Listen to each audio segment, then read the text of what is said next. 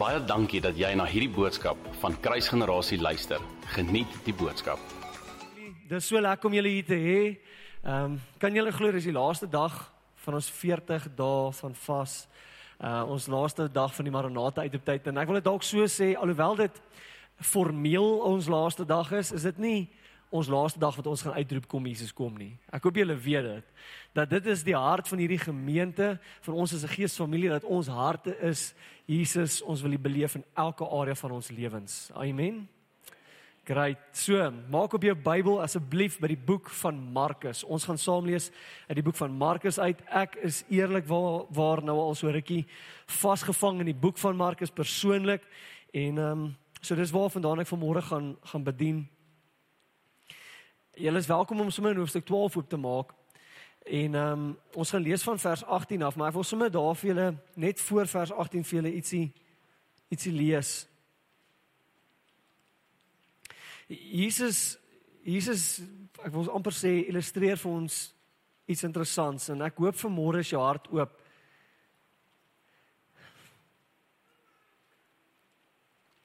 Kom ek blaai gou geself sommer so toe. Hoor hoor wat sê dit hierso in Markus hoofstuk hoofstuk 12. Hy sê so in vers 12 die volgende. And they sought to lay hands on him but feared the multitude for for they knew he had spoken the parable against them. Jesus is besig om te teach hierso En as jy regtig 'n bietjie van 'n studie gaan doen, dan sal jy sien Jesus is amper in 'n tipe van 'n kruisverhoor op hierdie stadium. Die Fariseërs kom na hom toe, die skrifgeleerdes kom na hom toe en die gedeelte wat ons gaan lees vanmôre is waar die Sadduseërs na Jesus toe kom. En so het al hierdie verskillende invloedryke mense, hierdie verskillende invloedryke geestelike mense eh, wat amper die geestelike klimaat van die dag bepaal, kom na Jesus toe. En hulle is besig om hom eintlik 'n klomp vrae te vra en die idee is om is om hom vas te vra. En so Jesus beantwoord hulle en in een van die antwoorde wat hy vir hulle gee, volg hy toe op met 'n met 'n gelykenis soos hy gereeld natuurlik gedoen het. En ons sien hierson vers 12 hierso sê dit hierso dat hulle is hulle besef toe dat Jesus hierdie hierdie gelykenis teenoor hulle gepraat het. Nou nou hoor my vanmôre, God se woord is lewende kragtig skerper as enige tweesnydende swaard, leer ons in Hebreërs. Is ek reg? Reg? So met ander woorde, God se God se woord het die vermoë om te sny. Dit sê daar so letterlik om te kan jy weet sny tussen murg en been. So God se woord is kragtig. Nou, let op wat gebeur hierso. God God self praat sy woord. Hulle besef dat die woord teen hulle is.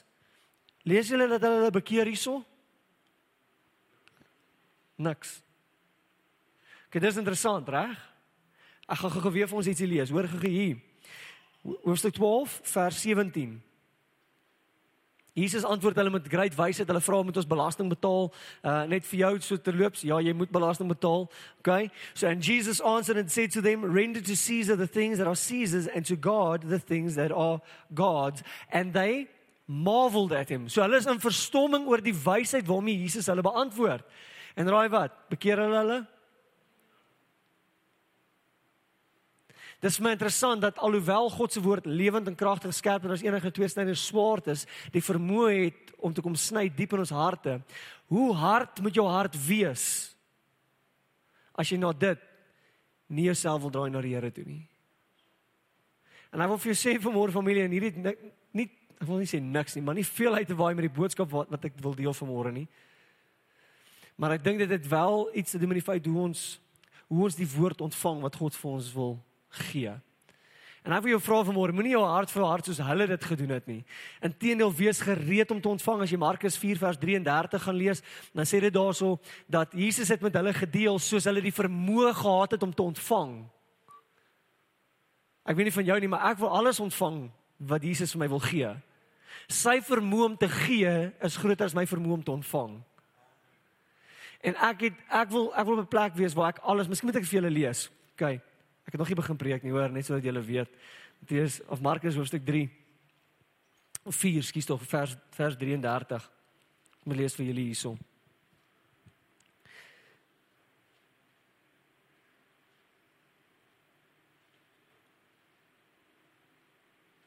And with many such parables he spoke the word to them as they were able to hear it.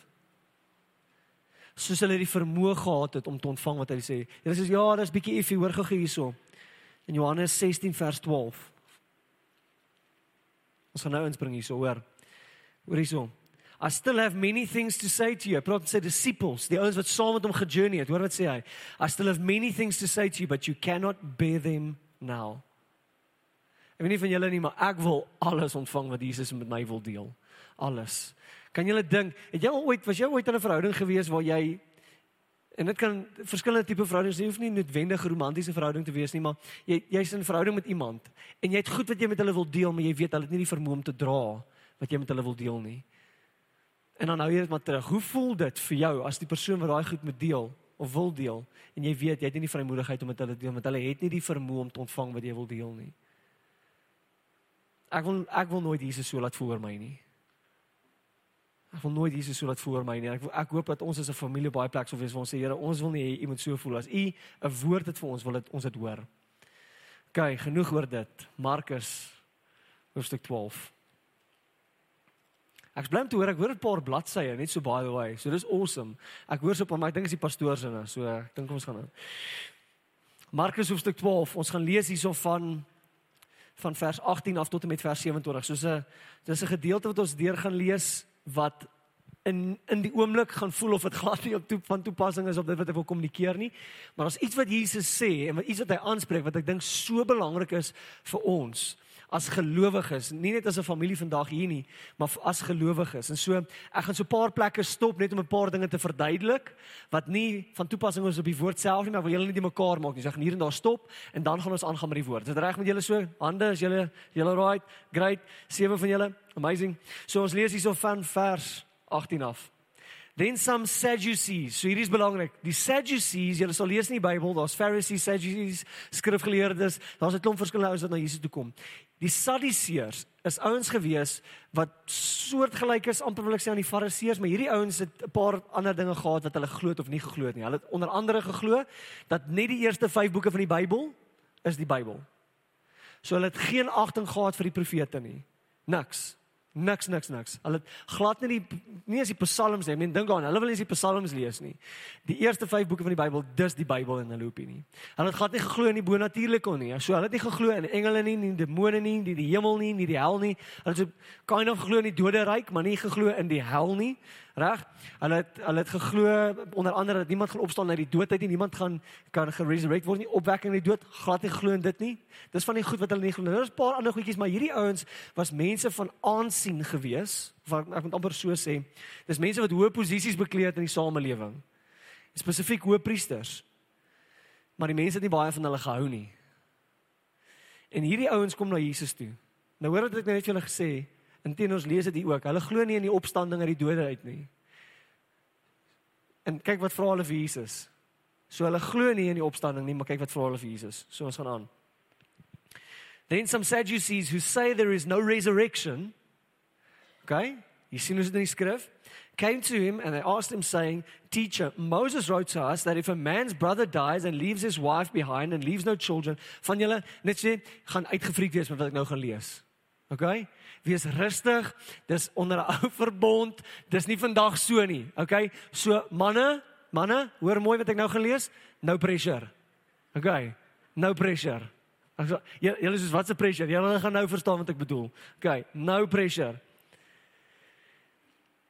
If a, if a brother dies and leaves his wife behind and leaves no children, his brother should take his wife and raise up offspring with, uh, for his brother. So wat sou gebeur het is dat as jou broer sterf en hy het nie kinders gehad nie en jy single, moet jy trou met jou skoonsussie. En dan jy nou van julle soos, "Jo, maar my broer se smaak is horrible." Ek maak nie saak nie. Dis die verantwoordelikheid, reg? OK. Grappie, julle. OK. Alhoewel hierdie nie 'n grap was nie. Vers 20. Now there were seven brothers. So hulle kom na hom toe en sê, "Hier is 'n situasie. Sewe broers." Jo julle. Okay, in elk geval. The first took a wife and dying he left no offspring and the second took her and he died nor did he leave any leave any offspring and the third likewise so the seven had her and left no offspring so niemand het kinders by gehad nie en almal was met haar getroud gewees OK Nou hoor gou wat waar glo hulle nie hulle glo nie in die opstanding uit die dode uit nie. Nou hoor gou. Therefore in the resurrection. Julle glo nie eens in dit nie. sien julle die harte hierso? Dis dit is glad nie daarop gerig om te leer nie. Dis net daarop gerig om Jesus te probeer uitvang. Dis al wat dit is. OK? So hulle kom na Jesus toe en sê so in the resurrection when they rise whose wife will she be? Ek meen al sewe was met haar getroud. Met wie gaan sy getroud wees in die hemel? Van ons is dis 'n goeie vraag. Dit is nie 'n goeie vraag nie. Hoor gou hierso. Jesus verduidelik. Vers 24. Jesus answered and said to them, "Are you not therefore mistaken? Because you do not know the scriptures nor the power of God. For when they rise from the dead, they so hy sê hierso, hulle gaan opstaan uit die dood uit. Ek weet julle glo dit nie, maar hulle gaan opstaan uit die dood uit. Reg? They neither marry nor are given in marriage but are like angels in heaven. Dis wat baie ouens sê, sien jy word 'n engel as jy hemel toe gaan. Dis waar ek myself gegaan die rede moet val. Sê like angels. Jy word nie 'n engel nie. Dis net jy's 'n gees geesteswese. Dis basies wat dit beteken. OK? So jy's gees daar, reg? Dis basies wat dit beteken. OK, jy word nie 'n engel nie. Niks van dit, niks van dit. Niks. OK? Jy's nie 'n engel nie. Jy word nie 'n engel nie. Weet jou man noem jou engel? OK? Maar jy jy word nie engel nie. Vers 26. But concerning the dead that they rise, have you not read in the book of Moses in the burning bush passage how God spoke to him saying, I am the God of Abraham, the God of Isaac and the God of Jacob. He is not the God of the dead, praise die Here, but the God of the living. En hoor wat sê Jesus hier vir hulle. Hoor hierso. You are therefore greatly mistaken. Kan ek met julle eerlik wees vanmôre as ek hierdie gedeelte lees? Besef ek en dit tref my eintlik nogal hard dat dat dat Jesus se stelling wat hier gemaak word is nie net hartseer nie. Dis nie net ek dink profound nie. Ek dink dis verskriklik van toepassing nie net op die wêreld vandag nie, maar op die kerk vandag. Die stelling wat Jesus hierso maak is een wat ek dink ons amper net oor gelees het want dit is in 'n vreemde gedeelte want van ons lees hier en soos dit het niks om my te leer nie. Ek is nie een van hierdie mense van wie die ouens praat nie. So dis nie op my gemik nie. Maar hoor die stelling wat Jesus hierso maak. Vers 24 hy sê vir hulle are you not therefore mistaken because you do not know the scriptures nor the power of God?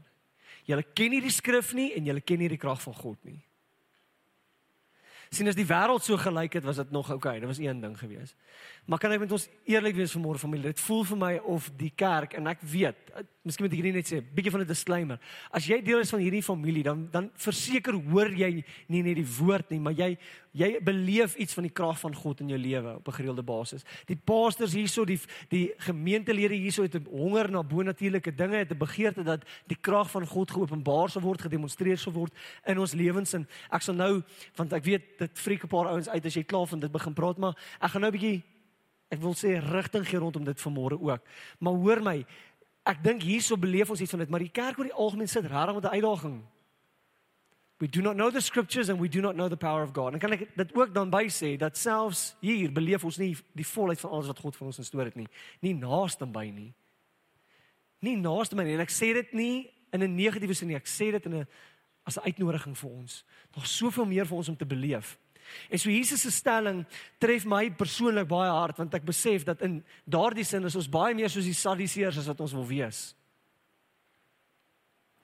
We do not know the scriptures. En en hulle was veronderstel om die skrif te ken. Dis hoëpriesters hierdie ouens. Hulle is veronderstel om die skrif te ken en hier kom Jesus en sê vir hulle julle ken hierdie skrif nie. Dink gou jy's 'n jy's 'n mechanic. OK? Jy maak karre reg. En Jesus kom na jou en sê vir jou, jy weet nie wat 'n spanner is nie. En jy gaan redelik beledig voel, reg? Kom ek sê, okay, jy's 'n jy's 'n onderwyser by 'n skool. Jy weet nie hoe lyk 'n witbord nie. Dis 'n redelike belediging, is ek reg? En tog sê Jesus vir hierdie ouens wat veronderstel is om te weet, sê hulle julle het nie 'n klou nie, ouens. Julle het nie 'n idee nie. En ek besef dat baie van ons se lewens lyk meer soos dit as wat dit veronderstel is. sien die woord van God en die bonatuurlike krag van God loop hand in hand. reg deur die Bybel. Ek gaan vir jou sê vanmôre dat daar's nie 'n enkele, gaan maak 'n studie. Jy kan op jou eie tyd doen. Ek kan jou reg deur die hele Bybel vat. Jy gaan nie op een plek 'n persoon kry wat 'n verhouding met God gewandel het wat nie die bonatuurlike krag van God gesien het in hulle lewens nie. Nie 'n enkele een nie. Nie een nie. Nie een nie. Gaan soek. Jy gaan nie een kry nie. Almal van hulle het 'n demonstrasie van krag in hulle lewens gehad. My vraag is vanmôre en ek vra dit vir myself, lyk ons dan nie baie soos dit nie? Ja, pastoor, jy verstaan nie. Die Bybel sê Okay, ja, gaan dit anyway sê.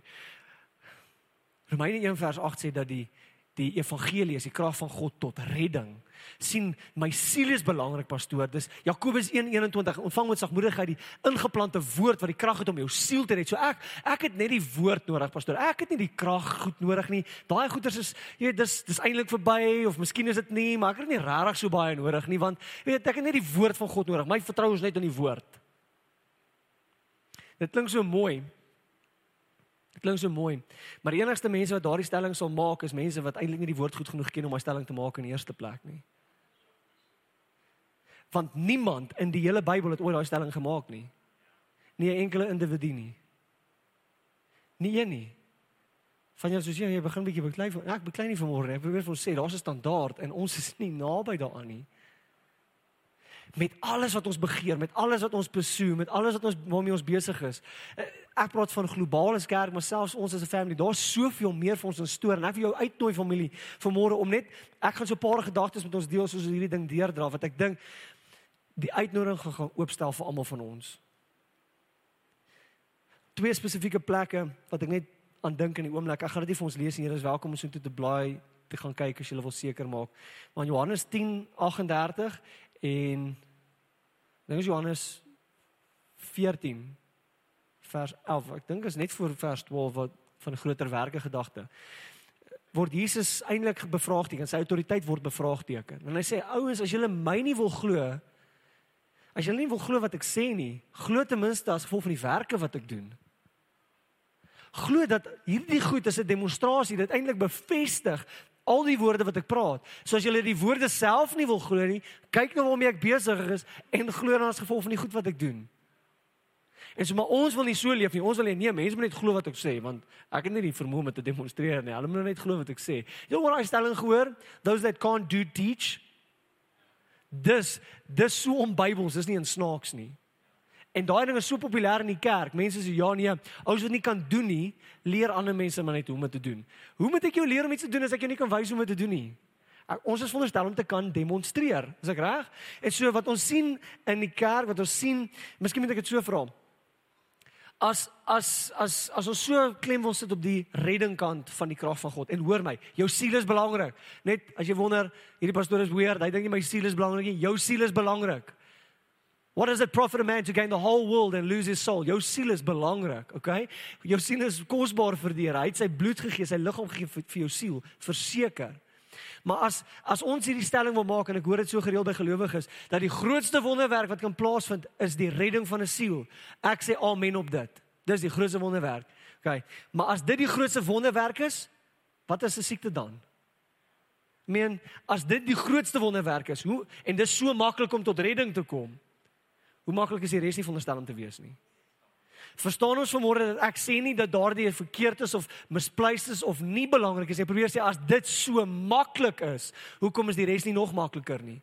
En ek weet dis vreemd want in Matteus 9 Matteus 9 is is Jesus besig om te teach in 'n huis En baie van ons ken die storie, ons ken die verhaal. Daar's daar's nie plek in die huis nie. Inteendeel, die mense staan buite die deur en mense kan nie by die huis inkom nie, maar daar's soveel mense wat luister na Jesus. En 'n klomp vriende, 'n ander vriend wat verlam is, en hulle besluit hulle wil hierdie ou by Jesus uitkry. En hulle maak 'n gat in die dak en sak hierdie ou af tot in in Jesus se teenwoordigheid. Het seker vriende nodig in jou lewe net so by the way. As jy gewonder het, het seker ouens nodig. Maar moet dit ook al sê, Jesus kyk na hierdie ou en sê vir hom jou sondes is jou vergewe. En om hom natuurlik soos altyd is daar nie net ouens wat opgewonde is oor Jesus se bediening nie, daar's 'n klomp ouens wat daar is om Jesus uit te vang. En so hulle hoor dit en dink in hulle hart wat wat so godslastering is dit? Net God kan vergewe. Net God kan vergewe. Jesus besef dit en hy sê vir hulle, "Maar wat is makliker? Om iemand se sondes te vergewe of om hulle gesond te maak?" En dan draai hy en hy antwoord nie die, hy antwoord nie die vraag nie en hy laat hulle ook nie toe om die vraag te beantwoord nie. Hy draai na die ou toe, hy sê vir hom, "Tel op die bed en loop." En daar tel hy op die bed op en loop. Wat demonstreer Jesus in daai oomblik? Wat's makliker? Uh jy kies. Jy kies wat makliker is. Want vir hom is dit om te ewe. Ek sê dit nou die dag vir iemand ek het dinge hierso gedeel met dalk die eerste groot werkekonferensie wat ek kom bedien het. Maar maar familie, as as Jesus ons genees het deur sy wonde en vergewe het deur sy bloed. Volgens Jesaja, reg? Sy wonde het my genees, sy bloed vergewe my, reg? Waardeur vloei sy bloed? Deur sy wonde. As daar nie wonde was nie, kon daar nie bloed wees nie. sien die wonde wat my genees het of miskien moet ek so sê, die bloed wat my vergewe het, het gevloei deur die wonde wat my genees het. Ons kan nie die twee van mekaar skei nie. Ons kan dit nie van mekaar skei nie familie. Ons is veronderstel om te wandel met beide hierdie realiteite in ons lewens as gelowiges. En dan wil jy sê as ons nie so wandel nie, is dit 'n minagting van die prys wat hy betaal het. Begin nou so 'n bietjie drift. Kom ek kom terug na hierdie gedeelte in Markus toe. Wil jy met my ietsie lees hierso? Want Jesus demonstreer vir ons in hierdie gedeelte hoe hulle Bybelse ongeletterdheid lei tot die feit dat hulle nie 'n verwagting het of 'n belewenis het van die krag van God nie. sien as as ons ongeletterd is met die skrif, dan lei dit tot tot die feit dat ons kragteloosheid beleef in ons geestelike wandel. Ek gaan dit vir ons wys. Hoor gou hierso. Ons lees hierso in vers 26. But concerning the dead that they rise, have you not read the book of Moses? Met ander woorde, luister, dis deel selfs die wat julle net die klein deeltjie wat julle glo die woord is, praat hiervan. Sê so julle nie eens die klein deel. Hoor gou as jy eksamen skryf, ek onthou op op skool, ek het bedryfsekonomie gehad. Ja, ja, soort van dit gehad. Ek het nooit opgelet in die klas nie. Ek het nooit ek het nie handboek gehad nie. So ek het dit soort ek het eksamen gaan skryf vir bedryfsekonomie, reg? En en ek onthou ons het 'n goeie onderwyser gehad en so hy die hy het regtig die vermoë gehad om vir ons te sê en intedeel ons geskiedenisonderwyser dieselfde vermoë gehad Pastor Jan sal kan onthou ook meneer van Rooyen was great met dit gewees. Hy sou vir sê onthou jy skryf departementele eksamens. Hy sou vir sê jy gaan hierdie vraag kry, hierdie vraag kry, hierdie vraag kry. Moenie eens worry oor die res nie. Reg? En dan doen jy dit. En vragtig dis so. Nou nou stel jouself voor vir 'n oomblik. Jy het net hierdie bietjie wat vir jou uitgelig word. Dis al wat jy hoef te leer. Jy het hierdie 2 3 lang vrae waarvoor jy hoef te leer want hulle het inside info. Jy het net dit. En jy soos ek, Mampara, gaan leer nie die bietjie wat vir jou uitgesit is nie, want jy's so lui. Jy's so lui dat daar is 30 vrae wat jy gevra kan word, maar die twee wat vir jou gesê word jy gevra gaan word, gaan leer jy nie eens nie want jy's so lui. Jy's so selfish. Jy's so vol van jouself dat jy dit nie eens gaan doen nie. Dis wat hierdie ouens gedoen het. Hulle het net 5 boeke gehad in die hele Bybel om te leer. Net 5. Daar's okay vandag 66 op daai stadium nog nie 66 nie, reg? Maar daar's 66 vandag. Hulle net 5. En hulle ken dit nie eens goed genoeg nie. Ek kan meneer van Rooyen se frustrasie hoor. Ek kan dit hoor, meneer. Okay, ek is jammer, meneer. Ek kan ek ek kan meneer van der Spy hoor. Hy sê okay, ja, ek verstaan, meneer. Ek het net twee gehad om te leer en ek het dit nie eens gedoen nie. Hulle is daai ouens, hulle is ek en ek is hulle. Hulle het net 5 boeke en hy sê vir hulle, jy daar's een boek. As daar een boek is wat vir jou belangrik is, die boek van Moses. Reg? Sê Have you not read? Jy nie eens gelees nie. Have you not read in the book of Moses in the burning bush passage? Hy sê, ons daar was nog eens versie, maar of jy sê presies waar jy dit kan kry. Dis presies waar jy kan gaan om te kry hierdie gedeelte waarvan ek praat. En van hulle is dalk so, o ja, ek onthou so iets van 'n brand in 'n bos of 'n ding. Great stuff, hoëpriester. See so how God spoke to him saying, "I am the God of Abraham, the God of Isaac and the God of Jacob." Dan van julle so Maar dit praat niks van die opstanding nie. OK, wie van julle weet dat op hierdie stadium is Abraham, Isak en Jakob dood? En op daardie stadium, toe Jesus praat, toe is Abraham, Isak en Jakob reeds dood. En die oomblik toe God gesê het I am the God of Abraham, Isaac and Jacob was Abraham, Isak, Jakob klaar dood. Reeds gesterf. Okay, so hulle leef nie toe Jesus toe God hierdie woorde spreek in die brandende bos nie. Daai passage nie. Leef nie meer nie. So, hulle moes oplet die God wat praat in daai oomblik sê ek is die God nou in hierdie oomblik van Abraham, Isak en Jakob. Ek was nie die God van Abraham, Isak en Jakob nie. Ek is nou die God van Abraham, Isak en Jakob. So wat moes hulle doen? Hulle moes oplet Luister, die skrif sê hy is nou hulle God. Wat beteken hulle leef? Hallo? Dis wat Jesus vir hulle sê hierso, hulle leef. En hulle toe geleef. En so, hulle is veronderstel om die skrif te ken en te sê, luister, dis weird. Dit maak nie vir my sin nie, dit pas nie by my teologie in nie. Dit ek weet nie om sin te maak daarvan. Hoe kan God nou iemand wat dood is, se God nou wees as hulle was nie? Sê jy klink dit mekaar, jep. Presies. En so hier is hierdie uitnodiging dat wanneer ons die skrif lees, daar 'n openbaring in die skrif is van die almag van God, die bonatuurlike natuur van die Here in die skrif. Jy ons het nie die vermoë om te glo in iets wat ons nie ken nie. As jy nie die waarheid ken nie, kan jy nie in die waarheid glo nie. Dis hoekom Romeine 10 so belangrik is. Hoe gaan hulle glo as iemand hulle vertel nie? As jy nie gehoor het nie, geloof jy nie gehoor, reg? So daai hele gedeelte gelees dit. En so hy soos belangrik vir ons, jy kan nie glo in iets as jy nie weet daarvan nie. Jy kan nie weet as jy nie blootgestel is nie. Jy kan nie weet as jy nie blootgestel is wat beteken jy kan nie glo in goed waaraan jy nie blootgestel is nie. Wie weet vandag dat ons wêreld doen 'n baie goeie, baie goeie job daarin om ons te weerhou van die bonatuurlike realiteite van die koninkryk van God.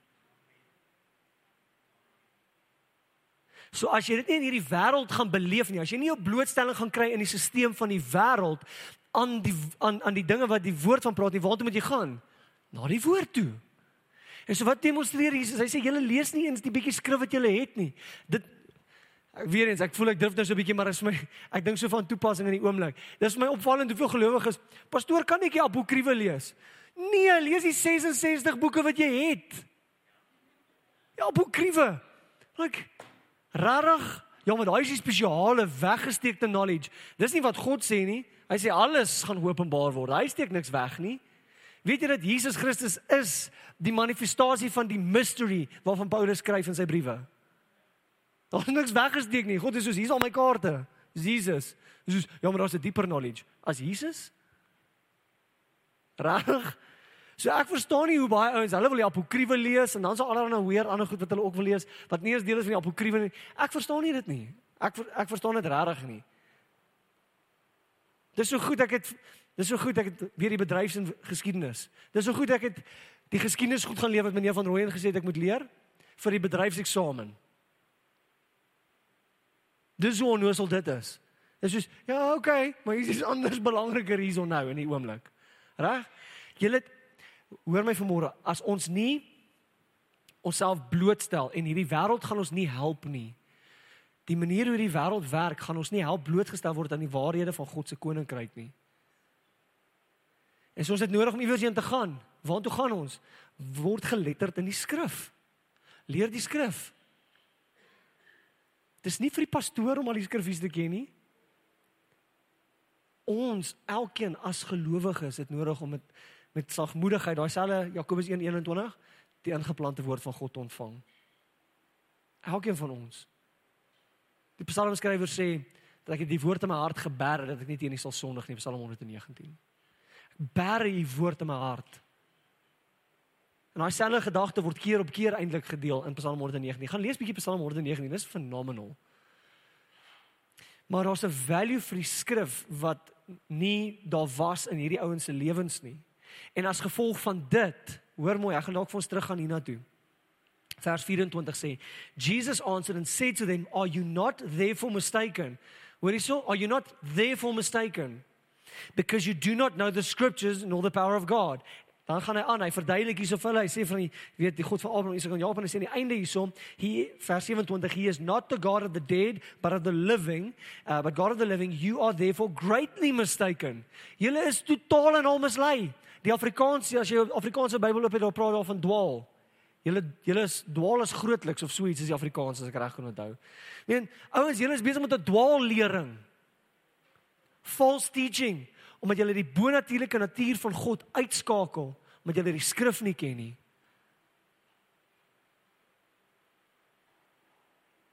So jy kan nie glo in iets wat jy nie ken nie. Jy kan nie in iets glo of jy kan nie iets ken as jy nie daaraan blootgestel is nie.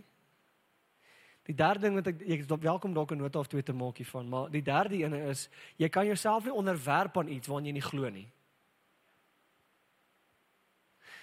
Iets interessants gebeur in die lewe van Jesus. Jesus het twee keer na sy na sy tuisdorp toe.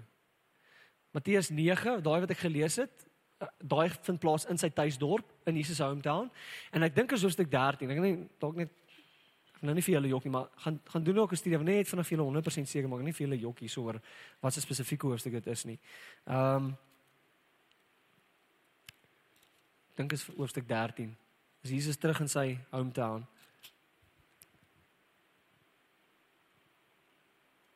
Ja, hoofstuk 13 van vers 53 af. So Jesus is twee keer in sy tuisdorp. Die eerste keer is waar hy hierdie wonderwerk doen van jy weet dat hy die persoon jy weet laat opstaan wat hy deur die dak gegaan het. En ehm um, en daarso sien jy dat die die respons is amazing. Mense respond op sy woord. Jy weet daar's geloof in die vertrek. Mense daar's geloof buite die vertrek. Dat mense van buite af iemand inbring. Soveel geloof is daar. Die tweede keer toe Jesus teruggaan, toe is hy besig om 'n paar wonderwerke te doen en skielik draai die mense om met ander en hoor mooi, gaan lees die gedeelte. Dit sê hy's besig om 'n klomp wonderwerke te doen, reeds besig. Hy's besig met dit. En dan draai mense na na mekaar en sê, "Maar is dit nie net Maria en Josef se seun daai nie?" Hy's besig om die bonatuurlike te doen. Hy's besig daarmee. En dan sê hulle soos, "Ja, maar en en dit sê van daar af kon hy he could do no mighty work there except that he healed a couple of people." En ek het al baie opinies daaroor gehoor, baie redenasies daaroor gehoor, maar kan ek om eerlik wees, daar's 'n redelike praktiese verduideliking van wat daar gebeur. As jy nie glo hy kan nie, gaan jy nie iemand wat siek is na hom toe bring nie. Ek ek gaan nie Ja. Met 'n illustrasie gebruik wat dalk bietjie meer tempered is. So Kom ons gebruik 'n mechanic voorbeeld vir net nou. Ek gaan nie my kar wat se raadkas gegaan het vat na tandarts toe nie. Maak nie sin nie. En dis wat hier gebeur het. O, as die houtwerkers se seun. Hoe kom sal ek iemand om te bring? Al die ander plekke hardloop mense met hulle siek mense na Jesus toe. En hierso bring hulle net nie die mense na hom toe nie. Dis so eenvoudig. Dis regtig so eenvoudig.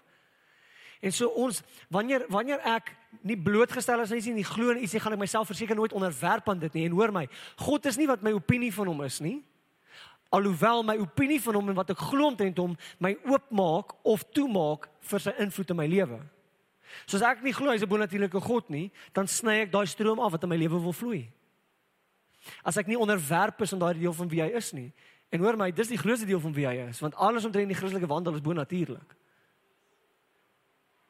En so ons het nodig om te verstaan dat ek kan myself nie onderwerp aan daai realiteit as ek dit nie glo nie. Ek kan dit nie glo as ek myself nie blootstel nie. En, en waar stel ek myself bloot? in die skrif. Die laaste gedagte wat ek hier wil deel voor ek aanbeweeg is.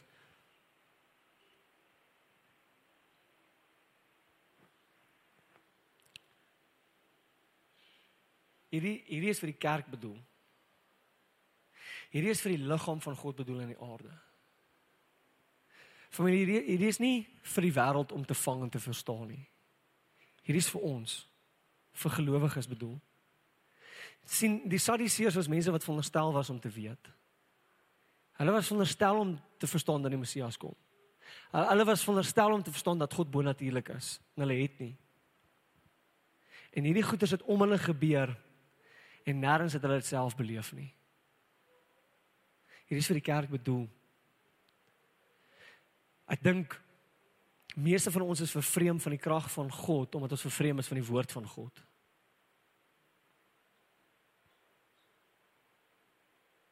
As jy jou vervreem van die woord van God, soos wat die Sadduseërs gedoen het, vervreem jy jou van die krag van God. Dit bly 'n tweesnede swaard, maar ek wil jou vra gee jy hom plek om in jou lewe te sny. 1 Korintiërs 4, kom ons blaai sommer gou gesoen toe. Paulus skryf hierso aan ehm, 'n um, gemeente met 'n paar uitdagings. Dis nou maar ligtelik kan stel. Hulle het so 'n paar paar uitdagingkies. Inteendeel so aan die net na vers 21 waar ek gaan ophou, praat hy van 'n paar van hulle groot issues. En ehm um, En en en wat hy besig is om te gebeur, jy kan gaan lees in hoofstuk 1 en 2 praat hy basies daarvan dat hy nie gekom het met wysheid nie, maar met 'n demonstrasie van krag. So hy het nie net gekom en met 'n klomp mooi woorde mense probeer oortuig nie. Hy het gekom met 'n demonstrasie van God se krag toe hy by hulle was. En en wat gebeur het en jy kan dit sien in baie van Paulus se briewe is dat as Paulus op 'n plek was, daarna was daar baie vinnig was daar ander ouens gewees wat daar gesê het, "Ja, Paulus praat die waarheid, maar daar's so ietsie ekstra." Dis hoekom hy die boek van Galasiërs geskryf het. Um in Kolossense praat hy ook daarvan. So hier's die gedagte dat en jy kry amper die idee dat as Paulus by 'n dorp was, nê, nee, dan was ouens wat net gewag het, okay, hulle het eintlik na Paulus se diary gekyk en gesê, okay, dis hy itinerary, dis waar hy gaan gaan.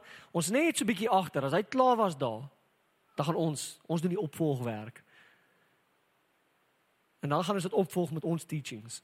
En dis wat baie keer gebeur het. En so in hierdie oomblik is Paulus besig om van dit te praat. Hy praat oor hierdie ouens wat kom met mooi woorde. Hulle is opgelei, jy weet, hulle het al die regte papiere teen die muur en hulle het al die regte ervaring, al daai goedjies is uitgesorteer. Hulle is ook om slim ouens. En Paulus sê, ek kom nie so na julle toe nie. Ek kom na julle toe met vrees en bewering, sê hy op 'n gedeelte. Wat eintlik vir my shocking is, maar in elk geval lees lees hier saam met my in vers vers 18. En hy praat van hierdie ouens. Hy sê so now some are puffed up. Dis 'n ou manier om te sê jy's vol trots. Some are puffed up as though I were not coming to you, but I will come to you shortly. Dis my pa. Ek kom vir jou. Ah, okay. If the Lord wills and I will know, not the word of those who are puffed up, but the power. Hy sê ek stel nie belang in wat hulle te sê het nie. Ek worry nie oor die teachingkies nie. Ek worry nie oor die opinies nie. Ek worry nie oor enige van daai goed nie. Ek ek stel belang in die krag wat hulle gaan openbaar. Nou hoor gou-gou, ek gaan dit weer vir ons lees hierson en dalk vir ons net klaar lees tot en met vers 21. Uh, ek lees weer van vers 19. But I will come to you shortly if the Lord wills and I will know not the power, worry, I will know not the not the word of those who are puffed up but the power for the kingdom of God is not in word but in power. Dis interessant. En dan sê dit vers 21, what do you want? Shall I come to you with a rod or in love and a spirit of gentleness? Ek het dit net aangeskryf my eie Bybel. You decide. Wat my interessant is van hierdie as ek hierdie lees dan dan uh, dan dan kry ek dis dis asof Paulus hier besig is om te sê hy sê luister ouens ek gaan nie toelaat dat enigiemand my eens kom praat oor die Bybel oor die skrif oor die evangelie as hulle nie kan demonstreer wat die krag is van die evangelie nie Ek wil vinnig 'n vraagie vra en jy hoef my nie te antwoord nie maar ek dink dit gaan iets in jou hart dalk aanwakker vir vanmôre Wat as ons hierdie standaard van Paulus vandag sou toepas? Hoe sou die kerk lyk? Miskien moet jy vra so vra. Hoeveel kerke dink jy sou daar wees? Hoeveel pastore sou toegelaat word onder die mentorskap en leierskap van Paulus om 'n kerk te mag hê? So, I mean, dit maak my nogal ongemaklik, kan ek julle eerlik wees? As ek dit en ek weet van julle kyk my so, maar dit klink bietjie onregverdig pastore. Wat as hulle net lief is vir Jesus? En as hulle lief was vir Jesus, het hulle die skrif gelees. En as hulle die skrif gelees het, sou hulle sien dat God bonatuurlik is. En dan sal die krag kon demonstreer want as he is in this world so are we. Dis dis wat die skrif ons sê. So as as ons daai selfde standaard vandag moes toepas, Hoeveel van ons wat so gretig is om die evangelie te verkondig sou gekwalifiseerd gewees het? En hoor my, ek hoop jy's in jou hart gretig. Maar ons kan nie bekos om gretig te wees en nie gefundeer te wees in die skrif nie. Like dit, dit maak nie Is julle met my vanmôre? En as ek 'n ander standaard handhaaf, soos wat hierdie ouens waaroor Paulus geskryf het handhaaf, dan sou Paulus my nie eens toegelaat het om te praat oor Jesus nie.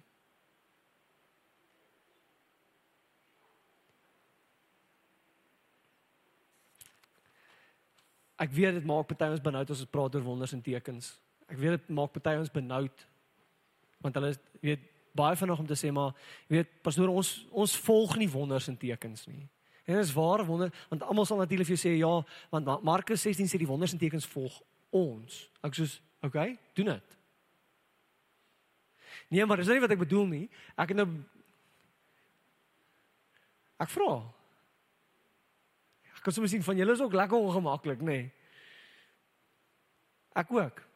Want ons is nie daar nie. Ons ons mis dit, familie. Maar dit beteken nie daar's nie uitnodiging nie. Dit beteken nie dat ons moet sê o, wel, ons is nie daar nie so, dis nou maar so nie. Dit beteken dat daar's veronderstel om ywer in ons te wees om weer 'n liefde vir die skrif te hê wat daardie in ons aanwakker openbaar want geloof kom deur die gehoor die gehoor deur die woord so as ek sê in die woord spandeer die eindresultaat sal geloof wees En ek sal oortuig wees oor die bonatuurlike realiteite van my koning. En so ek ek weet dit maak mense ongemaklik as ons praat oor hierdie dinge want hulle sê ja, maar ek volg nie dit nie. Ek volg nie die wonders en die tekens nie, maar ek wil amper dit so sê dat die as jy as wonders en tekens of miskien moet ek dit so sê. Wonders en tekens is 'n goeie indikasie of jy getrou is in die woord of nie. Ek sien so drie mense sê. Ek dink ons een van hulle wat dit regtig bedoel het, van hulle was net soos OK. kan ek dit vir julle wys? Ek wil 'n skrif lees. Want dit is altyd 'n goeie idee. Jy weet, as ek praat oor die Bybel en hoe belangrik die Bybel is, is dit seker belangrik om te lees uit die Bybel uit, nê. Nee. So kom ons doen dit gou-gou vanmôre. Ek het hulle vinnig op my foon, jy's welkom hulle om hulle neer te skryf. Ek het hulle sommer vir myself so reg gekry. So Markus 3 vers 14. So net gou gelees en deur die res van ek redelik vinnig gaan. Markus 3 vers 14. Jesus stuur sy disippels uit tot en met vers 15. Um say then he appointed the 12 that they might be with him and that he might send them out to preach. Hulle moet die woord gaan deel. Reg? Ja, dit is maklik. Hulle gaan preek. Okay, nee, wag, wo, wo, wo, vers 15 and to have power over uh, to heal sickness and cast out demons. Ek sal vers 14 vat, pastoor. Ek wil nie. Daai vers 15 is die pastore se deel. Like daai is die manne. Jy weet maar nee. Hierdie hierdie is voor Jesus se sterfte. Voor sy opstanding. Dis dis eintlik voor die nuwe verbond gesluit is, familie. OK? Weet nie of julle dit weet nie. Die nuwe verbond begin nie by die Nuwe Testament nie. OK, maar dit is nie Matteus 1 vers 1 nie. Dis nie waar die nuwe verbond begin nie. Die nuwe verbond begin in die gebroke liggaam van Jesus Christus. Dis waar dit begin. Hoe kry jy die idee julle het dit nie geweet nie? Kom ons lees aan. Ek gaan dalk oor iets anders te begin preek vanmôre, maar Markus hoofstuk 16 vers 20. Hoor hierson. And they went out, dit praat van die disippels hierson praat van die disciples and they went out and preached everywhere the lord working with them and confirming what the word through the accompanying signs amen Wat is die signs? Uiteindelik nou so 'n paar verse voor dit gedefine wat die wat die signs is. Julle kan dit self gaan lees. Ek gaan dit nou nie vir julle doen nie. Matteus hoofstuk 10. Hierdie is 'n echo van van Markus hoofstuk 3. Dit sê hierso Jesus stuur sy disippels uit vers 7 and as you go preach. Wat moet jy doen? Deel die woord preach, saying, The kingdom of heaven is at hand. Heal the sick, cleanse the lepers, raise the dead. Julle sê, "Jo, ek het nou net kans gesien om te bid vir die siek. Nou moet ek die dooies opwek." Pastoor, dit is soos wat ek jy maak dit moeiliker en moeiliker. Dis bonatuurlik. Dis nie veronderstel om maklik te wees vir die vlees nie. Dis veronderstel om onmoontlik te wees vir die vlees. As dit moontlik was vir die vlees, was dit nie bonatuurlik nie. Dan het jy nie Jesus nodig nie. En dan het jy nie 'n powerful woord nodig nie. So hy sê hierso, heal the sick, cleanse the lepers, raise the dead, cast out demons en hoor wat sê hy? Freely you have received, freely give. Het jy receive? Het jy receive? Van julle is nou bang om te sê ja, want nou is jy nou moet ek gee en ek weet wat gaan ek gee nie. Jy het net so terloops, as jy wonder, as jy 'n gelowige is, het jy jy het ontvang. Jy het sy gees. Jy het sy gees. Dan Handelinge 10 vers 36 tot 38. Dit praat spesifiek hier van Jesus weer eens. Nou ek hou van die dalk ek sal deel as ek Hebreërs laag lees. Kom ons bly by hierdie vir eers. Kom sê hierso vers 36. The word which God sent to the children of Israel, wat die woord, reg? Die woord preaching peace through Jesus Christ. He is the he is Lord of all. That word you know. So jy ken daai woord, right? Which was proclaimed throughout all Judea and began from Galilee after the baptism which John preached. How God anointed Jesus of Nazareth, right? So God die Vader anoint Jesus Christus anointed Jesus of Nazareth with the Holy Spirit and with power who went about doing good and healing all who were oppressed by the devil for God was with him. As ek vandag praat oor die kerk moet goeie dinge doen. Eerstens dan sal klomp ouens wat sê, "Maar ek is nie gered deur my werke nie." Ja, ek weet nie wat ek bedoel dit nie. OK. Saksadel, wees rustig. Ek praat nie van jou redding nie. Ek praat van die uitvloei van sy teenwoordigheid in jou lewe. OK? So as ons praat van werke vandag, is OK, ek moet seker iemand net kos gee. OK, ja, dis deel daarvan. Dis doen dit. Ek moet iemand klere gee. OK. Jesus het van dit ook gepraat. Maar weet julle die meeste demonstrasies van hierdie goeie dinge was die wonderwerke wat Jesus gedoen het? Oprah gee baie klere weg. En sy glo nie eens in Jesus nie. Haar eie woorde, nie myne nie. Wil jy lyk soos Jesus of Oprah? Jy kry 'n kar, jy kry 'n kar. Ek ek wil lyk soos Jesus. Ek weet nie van julle nie. Ek wil lyk soos Jesus. Ek wil nie 'n menslike standaard volg nie. OK. In elk geval. Hebreërs hoofstuk 2 vers 1 tot 4. Hoor vinnig wat sê dit hierso. Therefore we must give the more earnest heed to these things we have heard lest we drift away. Drift away from what? Where is of verse 2? For if the word spoken through angels proved steadfast, and every transgression and disobedience received a just reward. How shall we escape if we neglect so great a salvation? Kan maar dit praat hier reg van okay, is rustig. Tweede deel. Which at the first began to be spoken by the Lord and was confirmed to us by those who heard him. God also bearing witness hoor jy familie hier is hier is groot. God also bearing witness both with signs and wonders and with various miracles and gifts of the Holy Spirit according to his own will. As Jesus, want dit praat hier van Jesus se bediening van die evangelie, reg? As Jesus nodig gehad het dat die Vader van hom getuig in die waarheid van sy woord deur die deur die deur die performance van miracles, signs and wonders. Hoe kan ek dink ek het dit dan nie nodig nie? Dis Jesus. Johannes 1 Reg? Die woord wat vlees geword het, die ewige een wat Hebreërs 1 sê is the brightness, jy weet, is the brightness of his glory. Daai ene, hy het nodig gehad dat die Vader van hom van sy woord getuig deur hierdie goed te doen in sy lewe. Nee, maar nie ek nie. Ek het nie dit nodig in my lewe nie. okay, uh Jesus 2.0.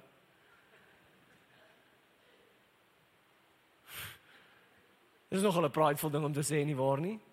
Ek het nie dit nodig nie. As Jesus dit nodig gehad het en as die apostels dit nodig gehad het, het hierdie ou dit verseker nodig. Ek het dit nodig. En ek kan nie bekostig my ander standaarde handhaaf nie. Ek kan nie bekostig om dit te doen nie, want dan is ek besig om myself te onderwerp aan iets wat nie in die skrif staan nie. En as ek my onder dit onderwerp, gaan ek nooit die skrif na vore kan bring in my lewe nie. So, laat my toe om hierdie te sê, ek gaan nie meer begin afsluit. As ons praat van die krag van God in in die skrif, is daar verskillende maniere hoe dit uitwerking het in ons lewens. En so ek wil net ek wil net vir 'n oomblik duidelik maak dat dat daar 'n paar ander dinge ingesluit is hierin. Alhoewel dit nie die hart is van wat ek gekommunikeer het vanmôre nie, wil ek hê ek net almal om besef dat daar's daar's verskillende manifestasies en uitvloei van God se krag in ons lewens. Die eerste natuurlik is die feit dat ek gered word.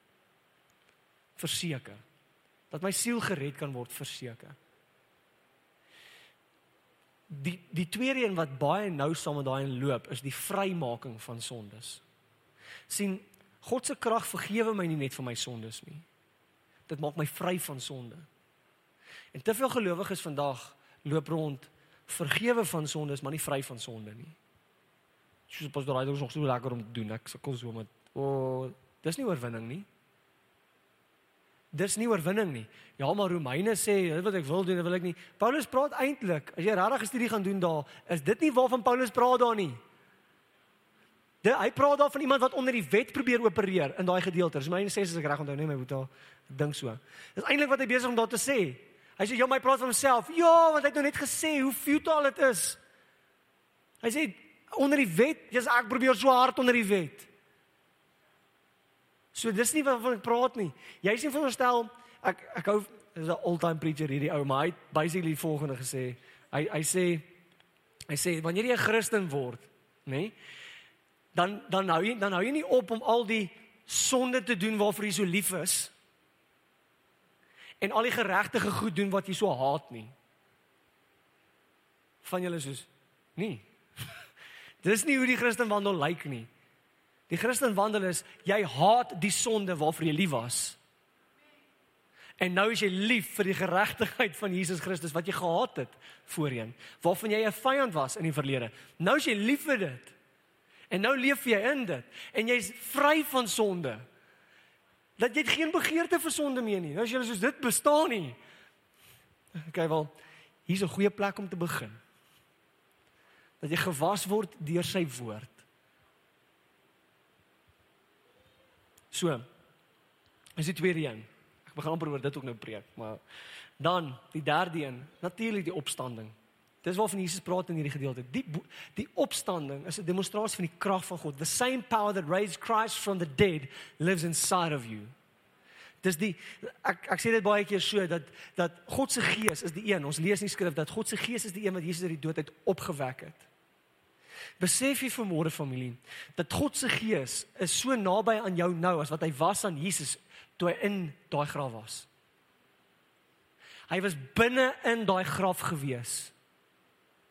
The Holy Spirit is as present in your life today as he was that moment Jesus was raised from the dead. Dis hoe teenwoordig in jou lewe is. En so ons is veronderstel om te ken in die opstanding, opstandingskrag van die Heilige Gees. So dis deel van ons lewens. Daar's baie ander mag in hierdie laaste enetjie net noem. Is verseker die wonders en tekens. As Jesus die vraag kom vra, luister, wat's makliker? En dan net sê al julle besluit. Kom ons besluit en sê wel dis eintlik dan baie maklik. Ja, gaan ons volg nie wonders en tekens nie, familie. Ons volg nie wonders en tekens nie. Maar as ons die woord volg, sal wonders en tekens ons volg as ek lief is vir die skrif, blootgestel word aan die in die bonatuurlike natuur van God. En ek sien hy nooi my uit na dit toe. Inteendeel, hy nooi my nie net uit nie, alhoewel dit 'n uitnodiging is. Hy roep my op tot dit. Hy wag nie tot ek sê ek is gereed nie. Hy sê jy's gereed. Hy maak my gereed. Hy verklaar dit oor my dan begin ons in dit wandel. En hoor my, dis nie dat ons hierdie goed probeer persoon nie, maar maar dis dis 'n goeie maatstaf om te sien of ons regtig getrou is aan die woord. As dit van Jesus se woord getuig het. Wat die woord is wat vlees geword het. Hoeveel te meer het ons dit nie nodig nie, familie? Hoeveel te meer het ons nie het ons nie veronderstel om 'n honger en 'n begeerte te hê na dit ook nie? Hebreërs sê dat ons is veronderstel die geestelike die die geestelike gawes deur die gewoonte geoefen. Ons lees nie eens die woord deur gewoonte nie. Wat nog die geestelike gawes deur die gewoonte oefen? So af jy vra vanmôre, wil jy saam met my staan asseblief? Want daar's daar's twee appelle op ons harte vanmôre. Twee. Nie net een nie, daar's twee. Want ek weet dit mag dalk vanmôre klink of die appel net is ja, pursue the supernatural persoon net die bonatuurlike. Ek kan dit opsom in een eintlik, maar daar daar's twee uitvloeis wat vir my belangrik is. So ek gaan dit vir jou net die een sê en dan gaan ek vir ons mooi verduidelik hoekom maar twee is. Persoon die bonatuurlike God. Ek weet nie van julle nie, maar ek ek staan nie aan belang om 'n God te dien wat soos 'n celebrity lyk like, wat ook goed net kan weggee en doen, maar nie die een is van hemel en aarde nie. Ek staan nie in dit belang nie. Ek het die vermoë as ek regtig hard werk en slim genoeg optree kan ek ook van daai goed doen. Ons is van saam 'n manier op te tree. Jesus sê dat die tipe goed waarmee ons besig is, die tipe goed wat uitvloei vind in ons lewens, is vir ons staan so groot te wees dat mense kyk na ons lewens en ons Vader in die hemel verheerlik omdat dit so groot is. Soos daai daai ou kon nie dit gedoen het nie. Sekerlik God moet met hom wees. Is dit hoe mense na ons kyk? Ek kan julle sê vanmôre en ek weet julle is ja, dit klink so moeilik en so ek sê nie vanmôre vir julle dat almal kyk na my so nie. Mense baie keer kyk na die pastoor en soos, "Joh, daai pastoor is 'n smart ou." Kan nou nie hierheen nie, hierdie hierdie lang een hierso. En hoor my, daar daardie maak ek nie minder van wat ons doen nie. OK. Maar ons word hoor geroep familie. Ons word soveel hoor geroep. En so hier's die twee goed waartoe waarop ek appel wil, wil sit vanmôre. Eerstens ons begeerte na God se woord. Jesus self sê dat sy sy woorde is gees en lewe en waar hy preek, waar hy deel oor sy sy liggaam en sy bloed. Hy sê as jy nie my bloed drink en my vlees eet nie, het jy geen deel met my nie. Sy disippels loop uit. Ek dink hy het iewers dit gedeel. Sy disippels loop uit en hy draai na Petrus hulle toe en sê luister, gaan julle ook gaan? En Petrus sê net, Here, u woorde is lewe. Waar toe gaan ons gaan? U woorde is vir ons lewe. Ek wil jou vra vanmôre, sy woord vir jou lewe. Want is eerder vir jou lewe of is vir jou niks, maar dit kan nie iets tussenin wees nie. En so hierdie is waarvan ek leef, dis voeding vir my siel. Dit maak seker dat ek dat luister, ek sal lankal my koppie verloor het as dit nie was vir die woord van God nie. Verseker. Dit help my reg dink, dit help my reg optree, dit help my 'n verwagting en 'n hoop hê. Dit help my om my oë gefokus te hou op die een wat kan doen wat geen mens kan doen nie. Dit dit dit help my getrou bly aan wat hy wil hê ek moet doen met my lewe. Sy woord is kosbaar, familie. En en ek wil eintlik sê wat ek net nou gesê het, ons kan nie bekos om so hard te word teenoor God se woord soos wat daai ouens wat ek vir ons gelees het in Markus Markus ehm um, Markus 12 daai eerste gedeelte waar dit praat van hulle hulle het nie hulle bekeer nie. Hulle hoor die amazing goed, want daar's geen begeerte na Jesus nie. Hoe hard moet my hart word dat die twee snydende swaard dit nie eens meer kan sny nie.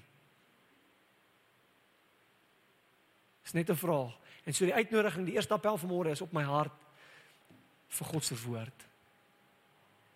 Die tweede een is om te soek na die openbaring van sy natuur en sy karakter in die skrif. Kom ons los die bonatuurlike uit vir 'n oomblik. Reg? Die wonders en die tekens is goed. Hoe hoe opereer my God? Hoe tree hy op? Hoe dink hy? Hoe wat wat doen hy as hy met sekere goeders te doen het? Want as ek die teenoorgestelde beleef in hierdie wêreld, kan ek 'n verwagting hê dat God met my is om daai situasie te verander. En dan kan onmoontlike goed begin gebeur. Want ek weet wat sy natuur is. Ek weet wat sy wil is. Want ek weet nie wat God se wil is nie. Jy is veronderstel om te weet. Jy is veronderstel om te weet. Okay, laaste skrif, jy lê staan, laaste skrif. 1 Korintiërs hoofstuk 2. Ek het nou die dag ook iewers hieroor bedien, maar hoor hierso. Ek hoor baie pastore quoteer hierdie. Ek het eendag onlangs met 'n pastoor gepraat wat sê hy soek nie herlewing nie. Hy soek hierdie. okay. Hoorie. But as it is written, eye has not seen, nor ear heard, nor have entered into the heart of man the things which God has prepared for those that love him. Praise die Here. Woe, ons is so bly. Die goed wat ons nie sien nie, nie kan dink nie. Nie kan, en dan sê dit die volgende vers, but oor ons 'n maar. Julle het dit ooit gelees? Daar's 'n maar. Hallo? Net dit of dit? Dis weer okay. Het julle ooit gelees daar's 'n maar, daar's 'n maar. Ek vertel julle daar's 'n maar. But God has revealed them to us through his spirit. God het hierdie dinge aan ons openbaar deur sy gees. Familie, ek wil vir jou sê vanmôre dat ja, daar's dalk sekere goed wat jy nie weet nie. Daar's dalk sekere goed wat jy nie weet wat God vir jou instoor het nie. Kan ek vir jou sê, jy is nie veronderstel om nie te weet nie. En ultimately waarvan daai skrif praat, is eintlik Jesus self. Dis eintlik waarvan hierdie praat. As die Ou Testament praat oor goed wat God vir ons voorberei, ultimately is dit Jesus. Die ou hele Ou Testament is soos 'n flashing neon pyl in die straat wat sê Jesus, Jesus, Jesus, Jesus. O, oh, die mooi dinge, die mooi karre en die huise en die privaat eiland en die jet en die of net my besigheid wat net genoeg het. Party is jy party wil soms heilig, net net genoeg, Here. Net ek wil net genoeg hê. Ek wil nie genoeg hê om ander mense te bless nie, net genoeg vir myself, Here. Jy is veronderstel om te weet wat God se wil vir jou lewe is. Jy gaan dit nie leer as jy nie weet wat sy natuur en karakter is nie. Jy gaan dit nie weet as jy nie tyd in sy woord spandeer nie. En jy gaan nie weet om hierdie wêreld om te keer vir Jesus as jy nie sy woord ken nie. Ons kan nie bekostig om ongeletterd te wees in die skrif soos die Sadduseërs nie. So ek wil vir jou bid familie want julle gaan ons nou bid vir siekes. Ja, jy is welkom. Ons gaan na mense en dan kan jy bid vir siekes vanmôre. Ek bid ook vir siekes. Julle soos ja, jy's net bang. Ek's nie bang vir siekes te bid nie. En hoor my, nie almal word gesond waarvoor ons bid nie, maar ons bid. Maar maar iewers het die familie nodig, die liggaam nodig om te begin hardloop met hierdie goed. Nou wil jy vra begin dit doen. Wees getrou in sy woord. Ek bid vir jou. Here, ons eer U vanmôre vir U teenwoordigheid. Ons eer U vanmôre vir die feit dat ons die voorreg het, Here, om U woord Here, U skrif in my hand te kan hou. Ja, dis dis so 'n eenvoudige realiteit in ons lewens. Ek kan dit op my foon hê. Ek kan dit ek kan die bladsye tussen my vingers beleef, Here. Ek kan ek kan notas maak, Here. Ek kan vra neerskryf in die in hierdie boek wat voor my is en en ek kan dit ek kan dit discover saam met U in die teenwoordigheid. En en tog is daar van ons Here wat net niks met dit te doen wil hê nie, want dit is dalk net te moeilik. Ja, maar Here, dis die uitnodiging. U is die een wat ons leer. U word teacher genoem. Heilige Gees word beloof om ons te leer te lei en te leer in alle waarheid. So Here, daar's 'n uitnodiging vir ons vanmôre en ek wil bid dat hierdie hierdie realiteit, hierdie hierdie uitnodiging sal sal diep val in die harte van elke lid van ons familie wat dit hoor vanmôre en die ouens wat op livestream self sit, Here.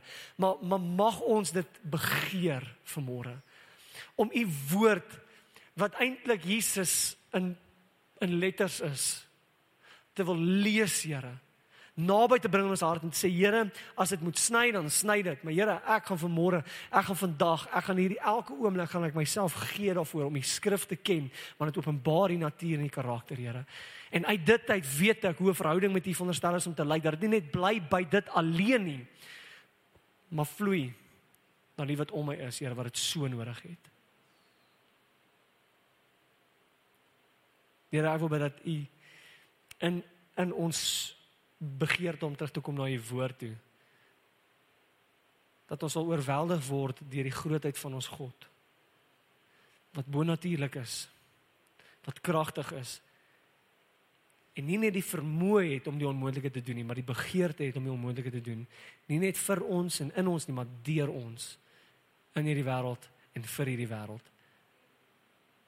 In die naam van Jesus Christus bid ek dit. Amen. Dankie dat jy na hierdie podcast geluister het. Indien jy die boodskap geniet het, deel hom asseblief met jou vriende.